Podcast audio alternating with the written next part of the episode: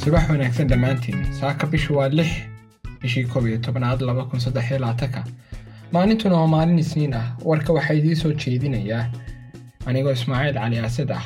Halkaad naga dhegaysanaysiin waa boorkastiga dharaar kaas oo idiin soo gudbiya wararka maalinlaha ah kuwada ugu muhiimsan. Soo dhowaada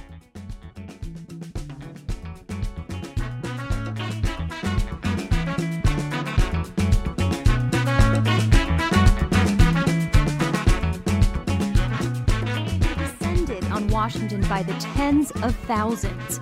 Pro Palestinian protesters from across the United States, some traveling thousands of kilometers by bus to reach the gates of the White House to deliver a message to the American dibadbaxyaal taageersan falastiin ayaa sabtidii dibadbaxyo ka dhigay magaalooyinka london berlin baris ankara istanbul iyo washington si ay ugu baaqaan xabad joojin ka dhacda qasa islamarkaana ay israa'iil ku eedeeyeen inay geysanayso xasuuqyo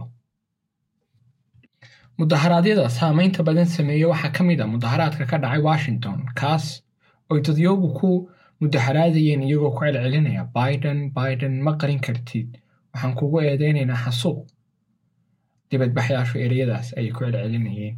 Mudaharaadkaasuna wuxuu ka dhacay caasimada dalka maraykanka ee washington. Dibadbaxyaasha oo lagu qiyaasay inay yihiin tobanaan kun oo qof ayaa waxay dalbanayeen dhinaca kale in la joojiyo ama xabad joojin la sameeyo khaza iyadoo dowladda maraykanka ama washington weli wado taageeradeeda dhinaca israa'iil ah. Dibadbaxyaashu waxay u arkaan in dowladda maraykanka khaasatan biden ay qayb ka yihiin xasuuqa loo geysanayo dadyooga falastiin ee khaza jooga. Khubrada qaramada midoobay ayaa dhinacooda ka digaya xaaladda khaza oo sii xumaynaysa tan iyo toddobadii bisha say ugu bilowday duqaynta israa'iil dhinaca kale arrintan waxaa lagu tilmaami karaa inay tahay xasuuq. Xasuuq qaramada midoobay markay qeexaysa waxay ku qeexdaa inuu yahay fal ulakac ah oo la rabo in lagu baabi'iyo ama lagu burburiyo gebi ahaan ama qayb ka mid ah koox qaran isir ama diin ah.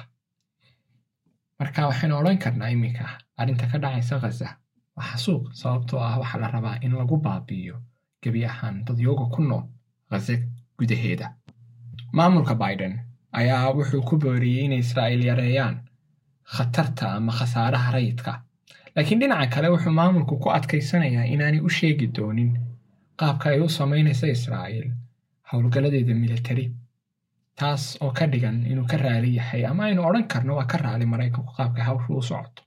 Waxaa kaloo biden ka dalbaday kongareska maraykanka xidhmo dhan afar iyo toban bilyan oo gargaar israa'iil ah loogu talagalay afar iyo toban bilyan oo maraykanku ku taageeraya israa'iil. Ama aynu odhanaba uu kaga qayb qaadanayo xasuuqa loo geysanayo dadyooga khaza ku nool. Tirada dhimashadu ilaa iminka waxay maraysaa sagaal kun afar boqol iyo sideed iyo siddeetan qof in ka badan inta ay dishay israa'iil. In ka badan afar kun oo qof. Waa carruur aljaziira oo wareysatay dadyowga mudaharaadka washington joogay. Qayb ka mid ah. Ayaan soo qaadanaynaa bal arrimaha ay waraysigaa ku sheegeen. Waxaa ka mid a dadyooga ee wareysatay aljaziiri nada oo ka soo jeeda falastiin gaar ahaan khaza nada waxay sheegtay in ehelkeeda ay ka qayb yihiin dadyowga iminka khaza dhex jooga. Duqaymo joogta ahna ay ku hayso israa'iil.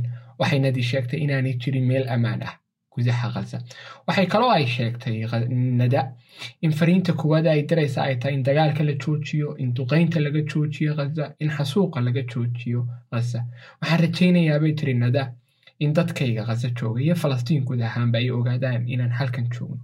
Waxaan rajaynaynaa inay maqli doonaan codkayaga ama codkeena waa siday tiriya ugu yaraan si ay ugu farxaan in yar ogaadaanna inaanay keligood aanay ahayn annaguna aanu dhinacan ka dadaalayno waxaanu awoodno dadyooga ay waraysatay aljaziira waxaa ku jira david haroutes oo u dhaqdhaqaaqa yuhuudda maraykanka.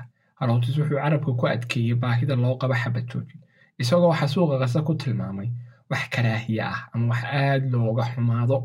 Wuxuu sidoo kale dhaleecayay baaqa maamulka biden ee joojinta bini'aadantinimada oo ku tilmaamay mid aan ku filnayn khaza baaqan joojinta ibniaadamku waa mid uu isagu ku tilmaamay xaraatis inay wakhti yar joojin doonaan dagaalka dhowr gawaadhi la ogolaan doono inay khaza galaan wakhti yar kadibna uu halkiisii ka sii bilaami doono dagaalku dadyooga ay wareysatay aljaziira waxaa dhinaca kalena ku jiray ayaan yuusuf oo soomaali maraykan ah mudaharaadkana uga timid boston isagoo mudaharaadku ka dhacay washington ayaan waxay tidhi waxaan halkan u joognaa inaan u hadalno dadka aan waxba galabsan waxaan halkan u joognaa inaan dunida ogeysiino? In waxa israa'iil iyo maraykanku samaynayaan aanay ahayn isdifaacid ee ay tahay xasuuq. Ayaan waxay hadalkeeda iyadoo sii wadata raacisay uma taageerayno falastiin diin. Umana taageerayno ajando kale. Balse iyadoon meel kaleba la eegin. Dhammaanteen waxaynu nahay ibni aadam. Waxaa ka dhacaya falastiin gaar ahaan khasina wax aada looga xumaado.